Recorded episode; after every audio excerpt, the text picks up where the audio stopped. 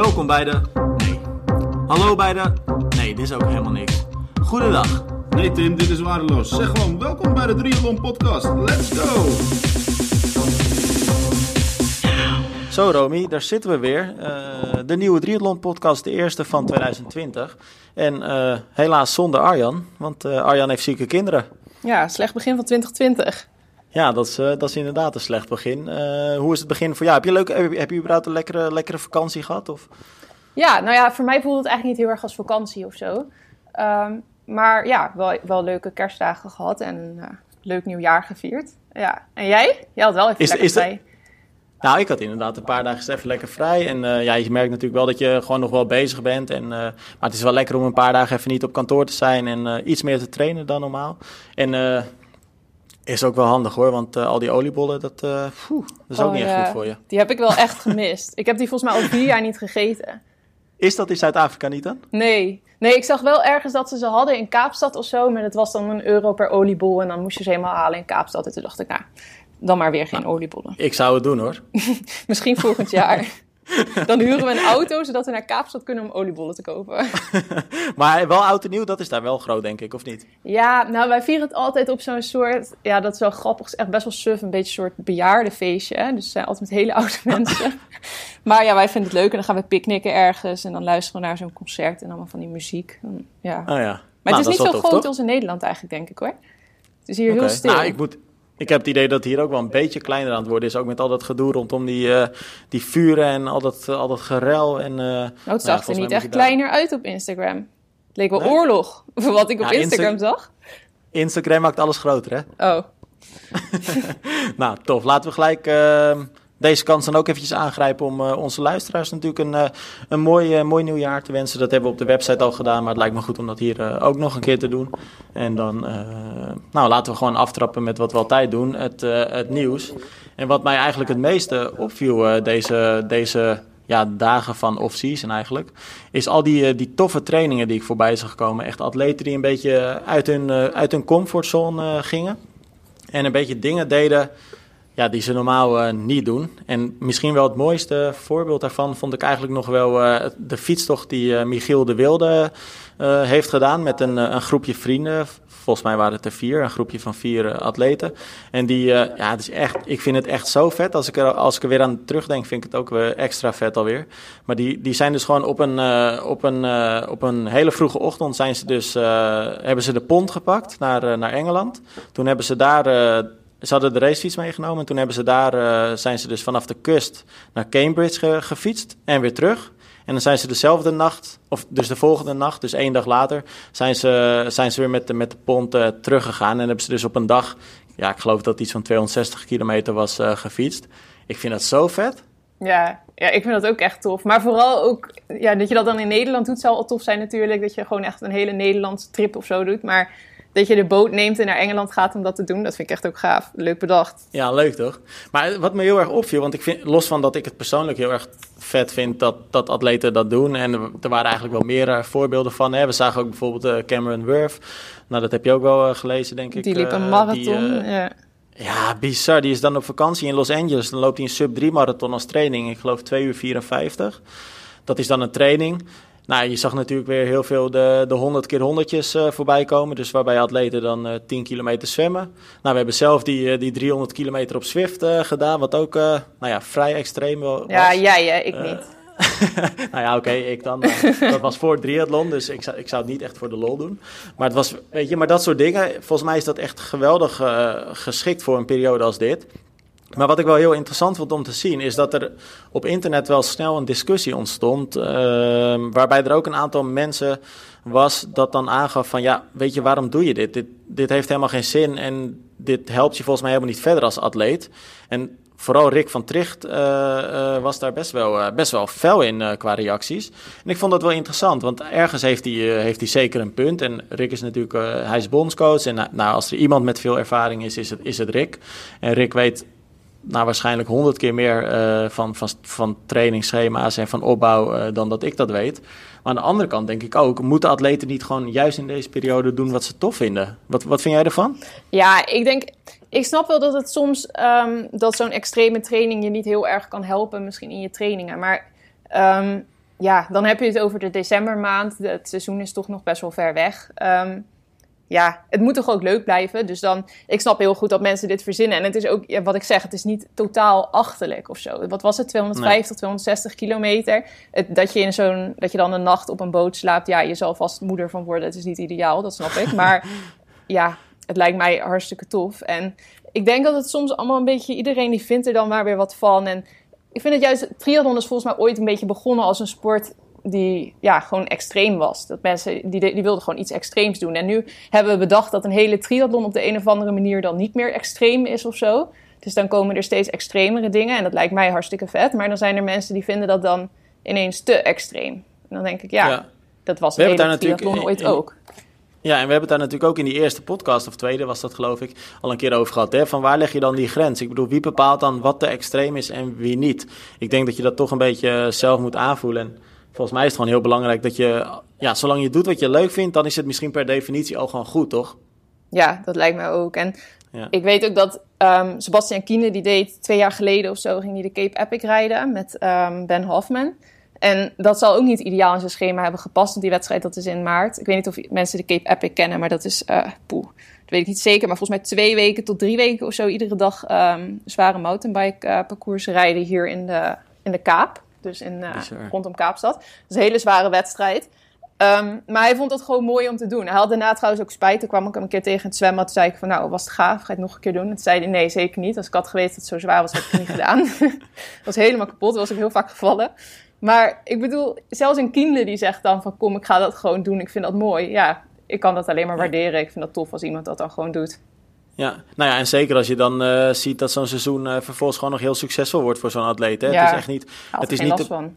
Precies, er is niet een bepaalde garantie dat als je iets wel of niet doet, dat je dan je succes of uh, dat je seizoen dan meer of minder succesvol zal zijn, denk ik. Ja, als je iemand systematisch echt rare trainingen ziet doen, dat je iemand iedere week twee keer een marathon ziet lopen als training, ja, dan kan je op een gegeven moment gaan denken: van, goh, gaat dat je helpen? Maar ja, als je een keer zo'n uitdaging voor jezelf ja, verzint, leuk toch? Ik ja, ja nou, ja, vind ik ook. Breng me gelijk ook op het volgende punt. Uh, want dan heb je het over ja, wat leuk is en wat niet leuk is. En wat verstandig is en wat misschien minder verstandig is. Maar uh, misschien wel het meest heftige verhaal van... Uh, nou ja, toevallig van, ik geloof uit mijn hoofd eergisteren... dat we dat over hebben kunnen nemen van de Volkskrant. Uh, dat was Jip Vastenburg. Uh, natuurlijk een zeer succesvol hardloopster op de, op de ja, middellange afstand. 5 kilometer, 10 kilometer. Europees kampioen geweest. Maar die deed eigenlijk een boekje open over uh, ja, de problemen die zij toch wel heel erg heeft gehad met haar gewicht. Hè? En met... ja, met te weinig eten om, om maar zo dun mogelijk te zijn en om daardoor dus zo snel mogelijk te worden op, op dat hardlooponderdeel. Maar daardoor de hele hormoonbalans uh, weg. Uh, niet meer ongesteld worden voor een, uh, ik geloof, een tijdsduur van acht jaar. Bizar vond ik het om dat te lezen. Ja, ja, dat vind ik ook echt heftig. Als ik dat soort verhalen lees en hoor, dan ja, daar schrik ik echt wel van. Want ja, dan heb je dus ook geen plezier meer. En dat schrijft zij ook. En dat is misschien nog wel het ergst. Nou ja, ik bedoel, je gezondheid is wel belangrijk. Maar mhm. ze heeft ook echt gewoon geen plezier meer in wat ze deed. Want ze schrijft toch dat ze, of ze zegt dat ze de Europese titel pakte, geloof ik, was dat hè? Ja. En dat ze dan een week lang huilend in bed lag. Of in ieder geval absoluut geen plezier beleefde aan die titel. Dat ja, vind ik ja, echt... ze, kon, ze, ze, lag inderdaad twee dagen huilend in bed en ze voelde totaal geen, uh, geen euforie meer. En ze was alleen maar verdrietig. Ja, weet je, ja. toevallig uh, Yvonne van Vlerken, dat, dat stuk heb ik gelezen op Wikipedia een aantal weken terug is dat geloof ik. Die heeft eigenlijk een soort gelijk uh, probleem gehad. Al, althans, bij haar ja, verdween niet het plezier in de sport. Maar zij merkte ook dat haar hormonenbalans helemaal weg was. En dus dat, nou ja, ze werd ook niet ongesteld meer. Ja, en weet je, je spreekt het uit alsof het bijna normaal is. Maar dat is natuurlijk echt niet goed voor een lijf. En zeker niet hè, als je als vrouw niet ongesteld wordt. Dat, dat is gewoon niet gezond. Ja, ja, ik denk ook dat er vaak, en dat is ook zo'n discussie die wel eens, die steeds meer volgens mij in het nieuws komt, dat ook onderzoeken alleen maar op mannen worden gedaan en zo. Dat, um, dat vrouwen hebben ook gewoon een andere aanpak nodig. En ongesteldheid, dat is ook gewoon. Het, mannen hebben natuurlijk geen idee, maar iedere maand komt het een keer en je hebt er last van. En iedere maand je gaat door een soort fases heen. En ik heb een Garmin-app en daar kun je ook in zien wanneer je dan weer ongesteld wordt. En um, dan zegt die Garmin-app ook, toevallig zei die van de week tegen mij dat ik echt hele zware trainingen aan zou kunnen in die week. ik was ziek, dus mm -hmm. niet goed. Maar in ieder geval, je verschilt constant per maand. Dat gaat natuurlijk gewoon heel erg heen, heen en weer. En ik denk dat daar te weinig naar gekeken wordt dan ook gewoon. Maar wat, wat mij dan misschien nog wat meest daarin opvalt ook is, en dat las ik dan uh, in het verhaal van Yvonne, maar ook heel erg in het verhaal van Jip Vastenburg, is dat ze ook heel erg zegt van er heerst ook een beetje een taboe op. Hè? Dus als vrouw wil je ten eerste al niet heel graag over je ongesteldheid misschien praten. En ten tweede wil je dat al helemaal niet bij je trainer doen, omdat eigenlijk dat presteren, dat, dat is het belangrijkste. Hè? Dus dan is de rest eigenlijk ondergeschikt aan het presteren. Nou, jij bent geen topsporter, maar wel een vrouw. Eh, kun jij je voorstellen dat daar dus een taboe op heerst? Of tenminste dat dat zo gevoeld wordt? Ik heb, dat, ja, ik, ik heb zelf daar echt helemaal geen last van. Ik begrijp dat eerlijk gezegd niet. Maar ik weet wel, ik hou er wel rekening mee dat andere mensen het niet echt een fijn onderwerp vinden of zo. Evert vindt het al vies als hij een tampon ergens in huis ziet liggen. Een schone, gewoon een ongebruikte tampon. Dan zegt hij, wat doet dat ding hier? Dat vindt hij al, dat vindt hij al naar om te zien. Dus dan, en ik bedoel, hij is er verder hartstikke open over. Maar ik kan me wel voorstellen dat mannen het gewoon een raar gebeuren vinden. En het nou niet echt ja, zin hebben om het erover te gaan hebben of zo. Volgens mij, ik, ja, ik vraag me af of vrouwen daar ook problemen mee hebben. Ik heb er niet zo'n last van, maar... Maar ik zou ook vooral zeggen dat, wat jij zegt, dat kan ik me dan nog enigszins voorstellen. Ook als, ik heb dat zelf helemaal niet, maar daar kan ik me dan nog een voorstelling van maken. Maar ik kan me bijna niet voorstellen dat, dat er dan mannen zouden zijn die dan denken van oh, uh, er wordt iemand niet ongesteld. Dat, nou ja, boeien, het is niet interessant of zo. Dan kan je, iedereen kan toch bij zichzelf wel bedenken dat dat niet heel goed is voor een Maar ik denk dat het daarom misgaat, want ik denk dat, dat dat wordt dan niet tegen een trainer gezegd. Ik kan me ook wel, dat kan ik me wel voorstellen, dat je niet echt, omdat je dus ook rekening houdt met wat die trainer normaal vindt en niet normaal om te horen. En dat je denkt van, goh, die vindt het een beetje raar als ik nou tegen hem zeg van, goh, deze week ben ik ongesteld. Of het lukt me niet om deze week zware trainingen te doen. Of dus zeggen dat je helemaal niet meer ongesteld, wordt ongesteld wordt. Ja. Nou, het is in ieder geval wel een probleem wat blijkbaar veel groter is dan, uh, dan eerst. We hebben natuurlijk een jaar geleden, was dat denk ik ook, dat verhaal gehad met, uh, met Kirsten Nuyes. Hè? Die, uh, nou, ik weet niet meer precies wat ze had, maar ze had in ieder geval heel veel ondergewicht. En had, wat was het? Geen testosteron ja, meer, haar test, Ja, haar testosteronwaarden waren heel laag. Ik weet niet meer wat dan het getal was, maar dat was echt schokkend hoe laag dat was. Ja, en daardoor had ze ook helemaal geen energie meer. En weet je, dan, ja, zo'n zo'n atleet is natuurlijk ook begeleid vanuit de NTB. Maar dan, ja, is dat, dat is echt wel iets waar net even te weinig zicht op is, heb ik het idee. Ja, ik denk dat dat een goed onderwerp is. Ja, dat, je, dat het goed is om te zeggen van als trainer, misschien moeten we het hier ook eens over hebben. Ja, nou laten we dat. Uh, ja, ik denk niet dat het echt aan ons is vanuit Triathlon om, uh, om daar iets mee te doen. Maar laten we dat wel een beetje nauwlettend in de gaten houden. Want zeker voor, uh, nou ja, dat, dat gaf die Jip ook aan. Hè? Zeker voor jonge meiden is dit gewoon echt een wake-up call. En wees je heel erg bewust van uh, wat je lichaam kan en wat het lichaam vooral ook niet kan. En kijk ook vooral uit uh, met alles wat je nu doet en alles wat je nu kapot maakt. Dat heeft een enorme, enorm effect op, op, op, op je lichaam later. En ik denk dat het heel goed is om daar echt wel bewust van te zijn. Ja, en ongesteld worden, worden dat, dat hoort. Dus dat moeten ze denk ik ook weten, ja. dat dat niet uh, nou, uit hoort te blijven. Nou, van, uh, van ongesteld, uh, ja, dat, dat doet me dan denken aan, uh, aan de kleur rood natuurlijk. Maar dat, ja, het is, wow. het is een bijzonder bruggetje, maar ik moet toch een bruggetje slaan. Maar laten we dan naar het rood van Challenge Family, want ehm, ja, dat is vrolijker nieuws in ieder geval. Ehm, en ik denk dat het voor, voor, voor alle triatleten in Nederland ook wel heel interessant nieuws is. Want Challenge Family verhuist naar Almere, dat hebben ze per, per 1 januari bekendgemaakt. Uh, een groot persbericht uh, kwam er uh, vanuit Duitsland, vanuit Amberg. Want het hoofdkantoor verhuist van, nou ja, van het Duitse Amberg dus naar, naar Almere. Met de nieuwe CEO, Jort Vlam. En aangesterkt door, nou dan moet ik het uit mijn hoofd goed zeggen, CTO en CE, COO geloof ik. Yeah. Ja, Jeffrey Visser en, en Richard Beldrok. Dus eigenlijk het Challenge Almere Amsterdam team, die, die neemt dat stokje een beetje over. ja, gaaf wel. Ja, super vet. Ja, ik vind dat echt mooi hoor, dat dat in Nederland gewoon komt. De Ironman bij de Chinezen en Challenge nu bij de Nederlanders. Ja, wie weet uh, doet dat ook nog een... Ja, zeker mooi. En wie weet doet dat ook nog wel een... Uh, een uh, nou ja, een beetje een vuurtje opwakkeren bij Ironman Nederland. Dat zij... nou ja, wie weet wat er nog allemaal in de toekomst nog meer naar Nederland gaat komen. dat zou helemaal tof zijn. ja. Ja, ik ben wel benieuwd, uh, moet ik heel eerlijk zeggen. We zullen dat ongetwijfeld dit jaar uh, gaan zien. Uh, wat voor gevolgen dit allemaal gaat hebben voor, voor triatleten. En of ze daar ook wat, wat van gaan merken. Ehm, in het persbericht werd dan gezegd. Ehm, van nou ja, voorlopig zullen atleten er eigenlijk niet zo heel veel van gaan merken. Dat. dat we, ja, we blijven inzetten op de kwaliteit zoals we dat altijd gedaan hebben bij Challenge Family. Ehm, nou, laten we, ja, laten we gewoon die ontwikkeling uh, in de gaten houden. Ik heb toevallig vanmiddag, uh, dus als de luisteraars dit luisteren, is dat, staat dat interview online. Maar een interview uh, met die drie mannen uit Almere. dus dan kan ik ze iets meer de, het hemd van het lijf vragen. En Maar het lijkt me sowieso wel een hele toffe ontwikkeling om de komende tijd in de gaten te houden. Ja, mooi. Ja. Hey, nog iets anders dan. dat vond ik ook wel een hele interessante kwestie. Jij hebt dat geschreven, als ik me niet vergis. Ehm, dat verhaal van Sergio Marquez. Yes, ja, dat was. Wat, hoe zat dat nou geleden. precies? Net voor de vakantie volgens mij. Maar um, hij heeft um, Ironman Hawaii gedaan, het WK. Daar heeft hij gewonnen als in de overall age group.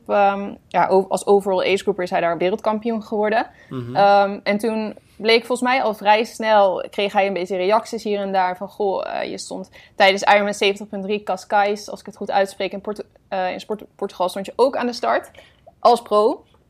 Dus er waren al een beetje zo wat reacties op zijn Instagram. Ik heb even terug zitten scrollen. Um, ook maar... bij ons trouwens, hè? had je dat gezien? Dat er ook heel snel toen al gereageerd werd door heel veel mensen die zeiden van... Ja, hij heeft al als pro gestart.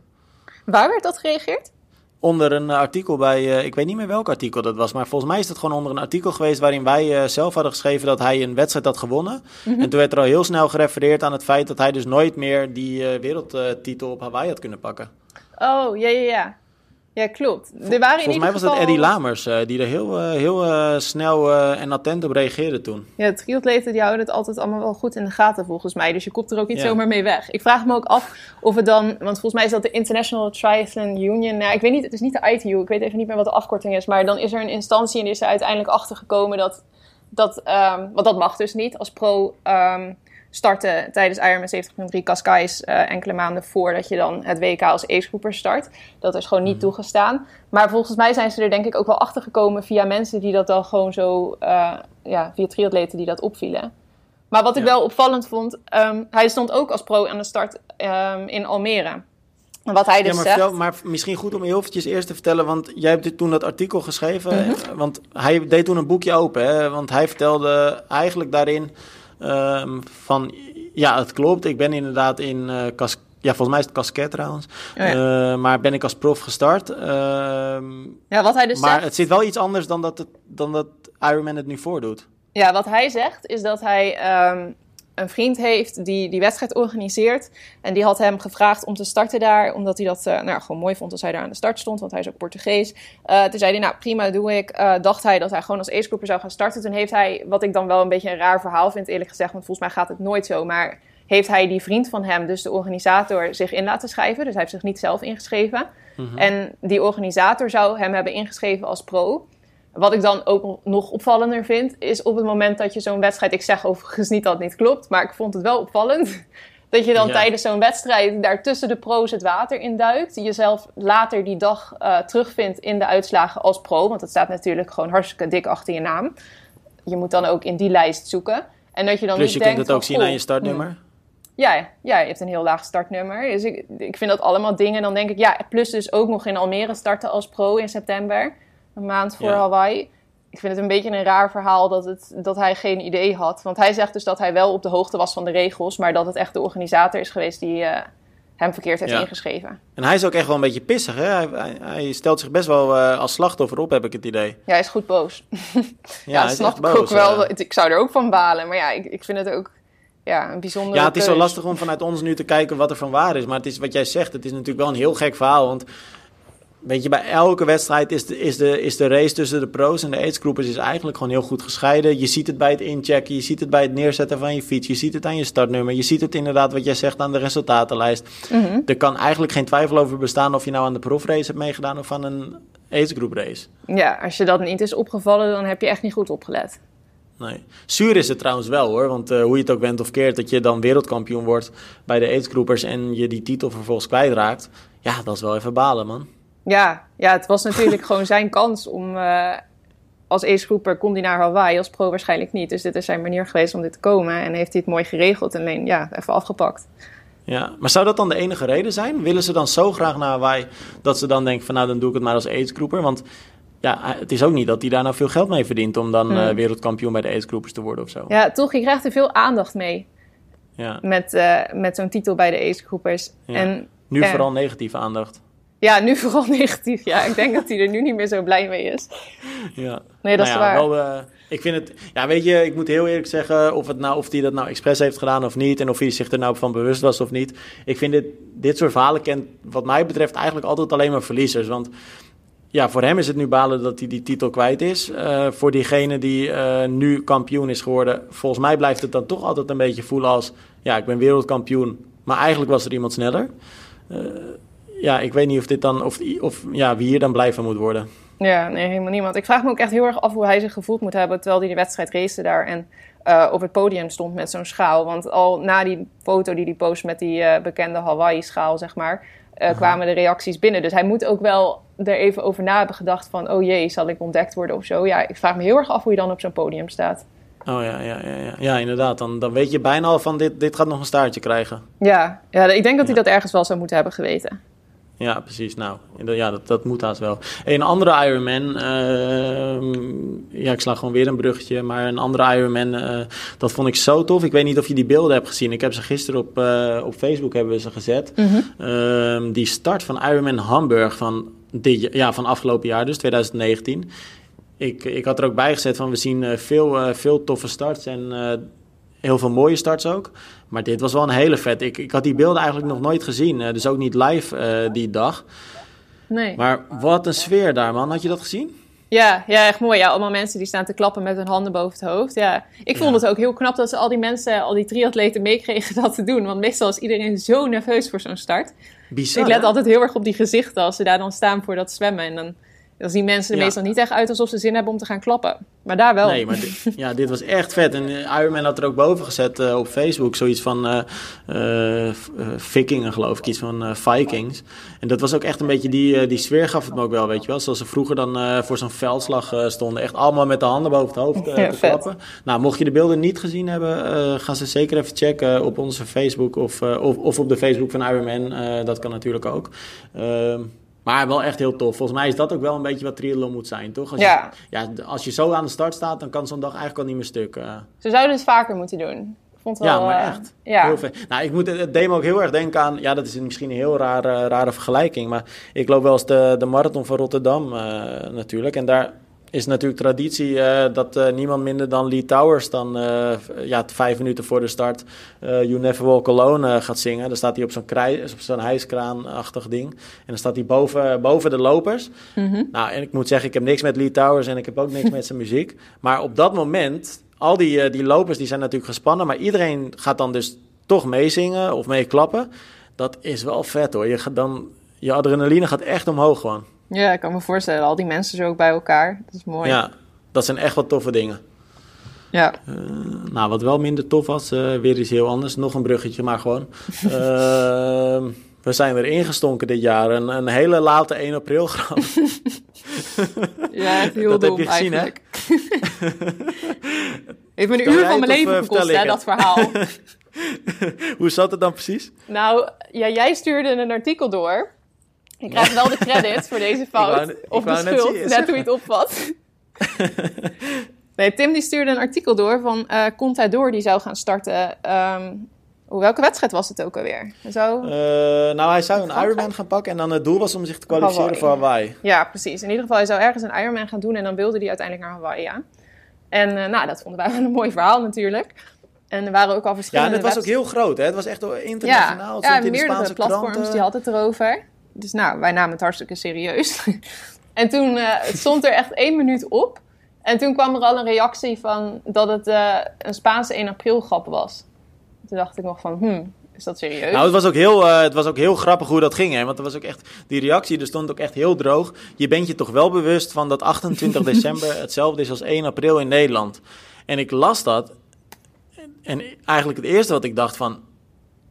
Nou, eigenlijk dacht ik eerst van, shit, is dit serieus? ja, ik dacht, nee joh. Dus ik gelijk op Google en ik- ja, nou precies. Je denkt eerst van nee, dat is. nog nooit van gehoord. En je gaat, nee, dus ik, had, gelijk- ik appte jou gelijk. En eh, nou ja, we, we gingen het gelijk opzoeken op, eh, op Google. En toen zagen we dus inderdaad dat, eh, dat 28 december is inderdaad in Spanje, wat 1 april in Nederland is. En ja, die dag staat dus heel erg bekend, misschien nog wel meer dan in Nederland zelfs, om het uitbrengen van, ja, van valse persberichten, eh, nieuwsartikelen die niet kloppen. Ja, en toen eh, dachten we wel, oké, shit. we zijn er met open ogen ingestonken. En eh, nou ja, artikel gelijk aangepast dat het dus inderdaad om een 1 april grap ging.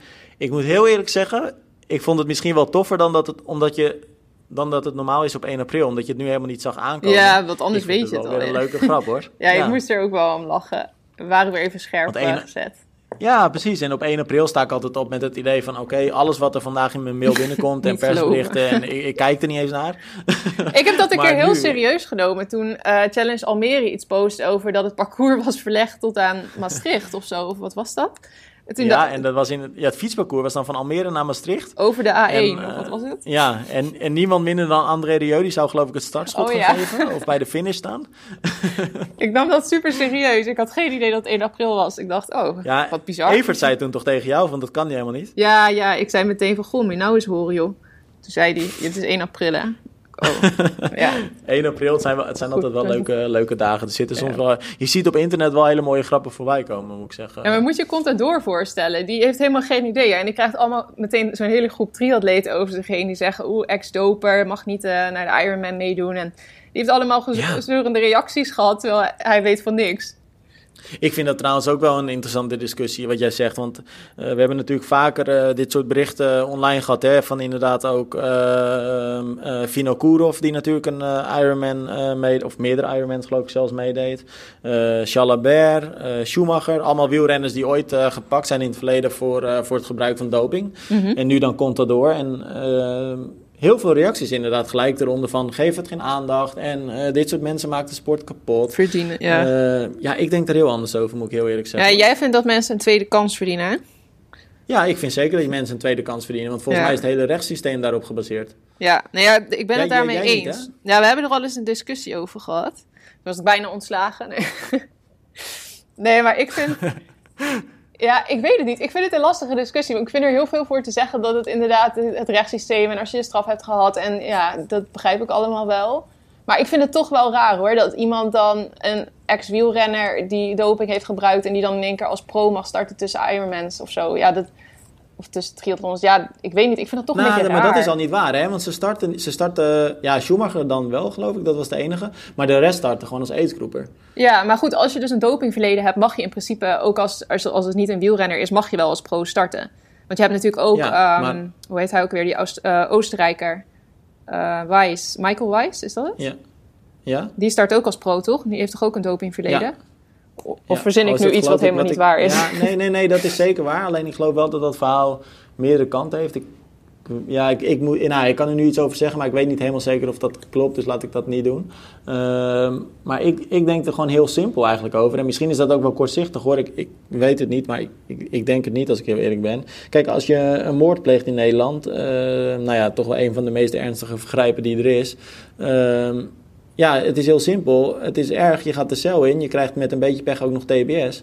Maar na 15, 20 jaar eh, loop je, als je geluk hebt, loop je weer vrij rond. En dan ga je tegen, tegen zo- iemand ook niet zeggen: je mag niet meer werken of je mag niet meer dit. Of ja, die straf zit erop. De behandeling is geweest. Eh, ja, volgens Ja. mij moet dat genoeg zijn. Dat is het hele idee van, van, van straffen en van een rechtssysteem. Ja, daar kan ik echt niks tegen dat inbrengen dat- natuurlijk, want daar heb je ook gewoon wel gelijk in. Vind, ben ik het mee eens. Ja, maar ik vind het toch, ja, Ja, maar dat maakt die discussie ook zo lastig, hè? Ja, maar mijn eerste reactie is als ik dat hoor, dan vind ik het, ja, vind ik het niet eerlijk of zo. Dan denk ik, ja, neem me niet meer, vooral niet als pro. Maar ja, aan de andere kant, als je dan zegt van start maar wel als aidsgroeper, dan zadel je natuurlijk de aidsgroepers met het eh, soort van probleem Ja. op. Dat is ook weer niet eerlijk. Ja. Ja, ik vind het een lastige discussie. Nou, wat ik, wat, ik, wat, wat, wat ik ook wel bijvoorbeeld dan een hele rare situatie vind. Ik weet niet meer welke atleet dat was. Volgens mij was dat ook Wijs. Die, Ja, dat was wijs. Je wil in. Praag zeggen zeker, dat- hij eh, geslagen werd, of niet? Nee, nee, ja, dat was ook een heel raar verhaal. Nee, wat Oh. ik bedoel was dat verhaal eh, dat, eh, nou, in ieder geval zo'n ex-doper, die had een, eh, een wedstrijd gewonnen.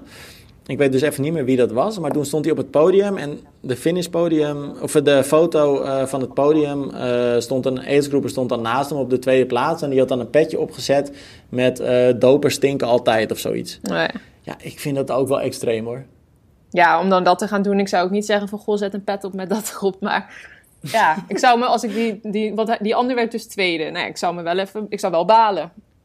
Ik zou wel zoiets hebben Ja, van, maar je zou ook balen, maar, maar het zegt natuurlijk helemaal niet dat hij nu doping gebruikt heeft. Ja, maar weet je wat het lullig is met doping? Dat als, je, als dat ze dat gebruikt hebben voor een periode, ik bedoel, volgens mij heb je daar dan ook, kan je daar nog steeds profijt van hebben. Want je hebt gewoon meer training toch niet als het jaren geleden is. Ja, maar het zorgt ook dat je harder kan trainen. Als je misschien Ja. vier jaar lang keihard hebt kunnen trainen omdat je doopte, dan... Ja, geen idee hoor, Ja. ik weet het niet. Maar misschien dat Nou je ja, laten we er niet... eh, nou ja, het is inderdaad, er is voor alle, voor alle kanten wat te zeggen, maar dat is misschien maar goed ook, toch? Ja. ja, nee, ik snap jouw punt Laat- ook. Nou, laten we, laten we hem afsluiten, deze podcast, met nog een, eh, een kijktip. Ehm, ik heb hem in de kerstvakantie eh, gekeken, lekker. En ik vond hem echt heel erg tof. Eh, jij hebt hem volgens mij ook gezien. Het Ja. gaat om de film 100 eh, meter, of ja, in het Engels dus eh, 100 meters. Ehm, en dat vertelt het verhaal over een Spaanse atleet. Het is een waar gebeurd verhaal ehm, over Ramon Arrojo, als ik het goed uitspreek. En dat is iemand die eigenlijk helemaal niet sportief is. En van de een op de andere dag eh, eh, neervalt en wordt gediagnosticeerd met eh, MS. De bekende spierziekte natuurlijk, waarbij uiteindelijk al je spieren ermee uit zullen scheiden. Ehm, maar hij heeft dan het doel om een, een triathlon te gaan doen, een long distance. Ehm, en ja, deze waargebeurde, of deze film eh, gebaseerd op waargebeurde feiten, volgt hem dus eigenlijk in zijn tocht, zijn trainingen, ehm, zijn weg naar die, eh, die Ironman. Volgens mij, of, nee, sterker nog, Challenge Barcelona ging hij geloof ik doen. En daarna heeft hij dan nog een Ironman meegepakt. Maar het is echt een bijzonder verhaal hoor. Wat, eh, ja, dat, het, het gaf me best wel kippenvel. Ja, ik moest huilen. Ik vond het echt een heftige film. Heel hard Ja, jij bent wel van het huilen. Ja, ja, ik moet sowieso snel huilen hoor. Dus ik weet ook niet eh, hoeveel, je daar, hoeveel waarde Jij, je jij daar aan hebt moet hem al, ik, ik kon het niet droog houden. Oh, goed zo. Maar, ja, maar, maar ja, spreek, voor- voor- maar het is een goede film wel, hè? Aansprekende film. Ja, ja, nee, het is echt een supergoeie film. Ik vind het ook echt een ja, heel mooi verhaal gewoon. Want het begint ook, hij heet ook 100 meter, volgens mij omdat hij dus begint met weer 100 meter leren lopen. Want het is echt erg, hè? Hij kan niks Ja. meer eigenlijk. Nee. Hij Ik kan op een gegeven moment. eh, ja, hij kan op een gegeven moment zelfs. eh, hij voelt ook niks meer. Hè? Dan raakt zijn vrouw hem bijvoorbeeld aan en dan voelt hij dat niet eens. Ja. Maar ondertussen is hij dus wel aan het trainen voor zijn triathlon. Het is echt bizar. Maar hij heeft toch ook, ik heb hem lang geleden gezien, maar heeft hij niet ook een hele leuke band met zijn schoonvader of met zijn vader of zo? Wat het ook een heel leuk Nou verhaal ja, dat is het grappige. Hij heeft juist een hele, hele slechte band met zijn schoonvader. Maar zijn schoonvader is een eh, voormalige gymleraar. En eh, hij heeft eigenlijk altijd ruzie met die, eh, met die man. Eh, maar die, die schoonvader gaat hem dan uiteindelijk trainen in die, eh, nou ja, op, die, eh, op die weg naar die triathlon toe. Ja, en dat is, het zorgt natuurlijk voor hilarische situaties. Want ze zitten elkaar eerst alleen maar af te zeiken. En het is alleen maar ruzie dit en ruzie dat. En grapje hier, grapje daar. Maar uiteindelijk krijgen ze natuurlijk een hele hechte band. En is het echt iets wat ze dan als gezin... eh, op het moment dat hij dan die triathlon doet... dan staan ze ook met het hele gezin daar. En ja, weet je, laten we ook niet te veel erover vertellen. bijna maar weer huilen. Ga hem vooral kijken, die film. ja, zo erg is het ook weer niet. nou, het maar is ga hem echt vooral kijken, verhaal. omdat het gewoon... Ja, het is echt een mooi verhaal. Dus ik denk dat je, dat je hem vooral zelf moet gaan kijken als je hem nog niet gezien hebt. En eh, ja, gewoon echt de moeite waard, toch? Het duurt geloof ik anderhalf uur, dus dat kan best op een avondje weggekeken worden. En dan, eh, ja, het is gewoon echt tof om te zien. Zeker. Gaan we hem afsluiten, Romy? Zit er weer op voor eh, de eerste van 2020. Ja. Waar- zijn er nog eh, dingen waar je echt naar uitkijkt dit jaar? Of Oeh. laat je het allemaal op je afkomen? Ja, ik laat het allemaal op me afkomen. Sorry, een beetje saai antwoord. Maar ik heb niet echt dingen waar ik... eh, nee. Jij wel? Nee, hè? geen goede... Je verjaardag. Nou, mijn verjaardag volgende week of aankomende zaterdag. Daar heb ik zo'n zin in. nee, ik heb, ik heb precies hetzelfde als jou. Ik, heb dat ook, ik kijk nooit heel erg uit naar, naar dingen. En weet je, ik heb vooral gewoon heel veel zin in een heel tof triathlonseizoen. En ik, eh, ik kan niet wachten tot het seizoen straks weer gaat beginnen. Ehm, tot we weer bij de kleine en de grote wedstrijden langs de kant staan. En ehm, vooral de prestaties van, eh, van al die Nederlandse atleten weer, eh, weer kunnen gaan volgen. Ik vind het altijd... Het is altijd lekker als het seizoen eventjes voorbij is. En als je even rustig aan kan doen. Maar ik vind toch altijd wel het mooiste als het weer volle bak losgaat. En we weer midden in dat seizoen zitten met al die, al die mooie prestaties. Ja, helemaal mee eens. Ik krijg er ook al wel weer zin in. Maar het duurt nog even. Nog eh, drie maandjes of zo. Romy. Ja, ja maar, het duurt, maar de eerste winterwedstrijdjes komen er ook alweer aan. Hè? Ja, dat is waar. De crossjes, de eerste hardloopwedstrijden gaan ook alweer eh beginnen. Dus eh, er is genoeg, genoeg te zien en te volgen. Ja, de oliebollentijd is in ieder geval voorbij. Goh, godzijdank. Laten we hem daarmee afsluiten. Yes. Romy, bedankt weer. Hè? Ik spreek je later. Yo, tot volgende week.